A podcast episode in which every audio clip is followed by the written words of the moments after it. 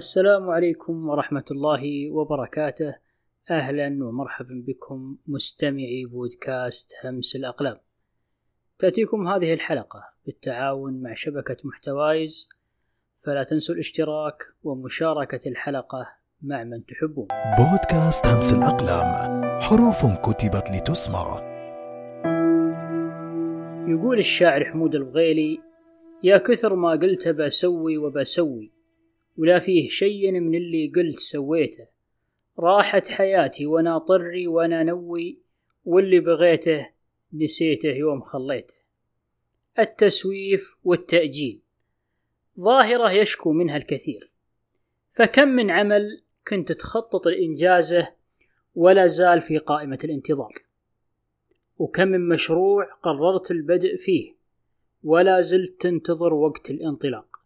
فلماذا التسويف؟ خلونا نسوي تمرين بسيط نقيس فيه مدى تأثير التسويف علينا وكم يكلفنا من الوقت والمال. ناخذ ورقة وقلم ونسجل أهداف خططنا لها. مثلا تعلم اللغة الإنجليزية أو إنقاص الوزن لمن يعاني من السمنة. نرجع بالذاكرة إلى التاريخ الذي بدأت فيه الفكرة. حاول تحدد التاريخ بدقة وقس المسافة الزمنية من ذاك التاريخ إلى اليوم. ستجد أن هناك من بدأ فكرة تعلم اللغة قبل عشر سنوات ولا زال على وضعه. وتجد أن هناك من قرر إنقاص وزنه قبل خمس سنوات ولا زال يعاني من السمنة. عشر سنوات كافية لتعلم خمس لغات ولإنقاص الوزن قد لا تحتاج سوى لأشهر قليلة. للوصول للوزن المثالي. وقس على هذا المثال الكثير من التجارب والأهداف المؤجلة لتعرف حجم الوقت المهدر بسبب التسويف. التسويف هو تأجيل الأمور وعادة ما نراه على أنه تأخير الأشياء حتى اللحظة الأخيرة أو حتى بعد الموعد النهائي.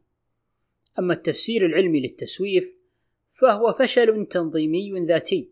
حيث يقوم الناس طواعية وبشكل غير عقلاني بتأخير المهام الأساسية ويمكن أن يتخذ التسويف أشكالا عديدة فعلى الرغم من أننا غالبا ما نربطها بتأجيل مهام العمل أو الواجبات الدراسية إلا أنها يمكن أن تنطبق على أشياء مثل الأعمال اليومية أو حضور المواعيد أو إجراء محادثات قد تكون مهمة. والتسويف قد ينتج عنه توتر وشعور بالذنب وحدوث بعض الأزمات، وقد يحصل بدرجات معقولة ويعتبر أمرا عاديا، لكنه يتحول إلى مشكلة عندما يسبب عرقلة لما اعتاد الإنسان على القيام به من أعمال. فالتسويف المزمن قد يكون علامة لاضطرابات نفسية كامنة داخل الشخص المسوف. والمسببات النفسية للتسويف مختلفة، لكن في العموم قد يكون القلق والتقليل من قيمة الشخص لنفسه، أو ما يسمى بضعف تقدير الذات، من أهم المسببات للتسويف.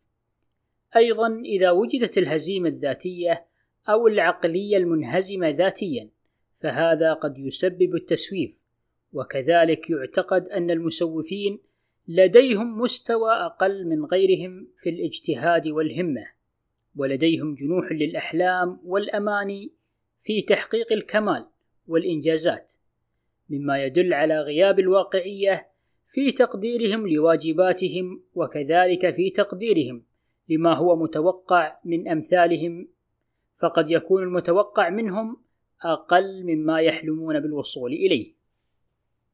ولعلاج ظاهرة التسويف يجب أن تكون أكثر واقعية، وأن تبتعد عن المبالغة في طلب الكمال، وترتب أعمالك حسب درجة الأهمية، وعليك أن تضع جدولا زمنيا لكل مهمة تحتاج لإنجازها. وأن تقوم بتجزئة المهام الصعبة إلى مراحل يسهل التعامل معها. كما عليك أن تتحلى بالعزيمة والإصرار. إذا كنت ذا رأيا فكن ذا عزيمة، فإن فساد الرأي أن تترددا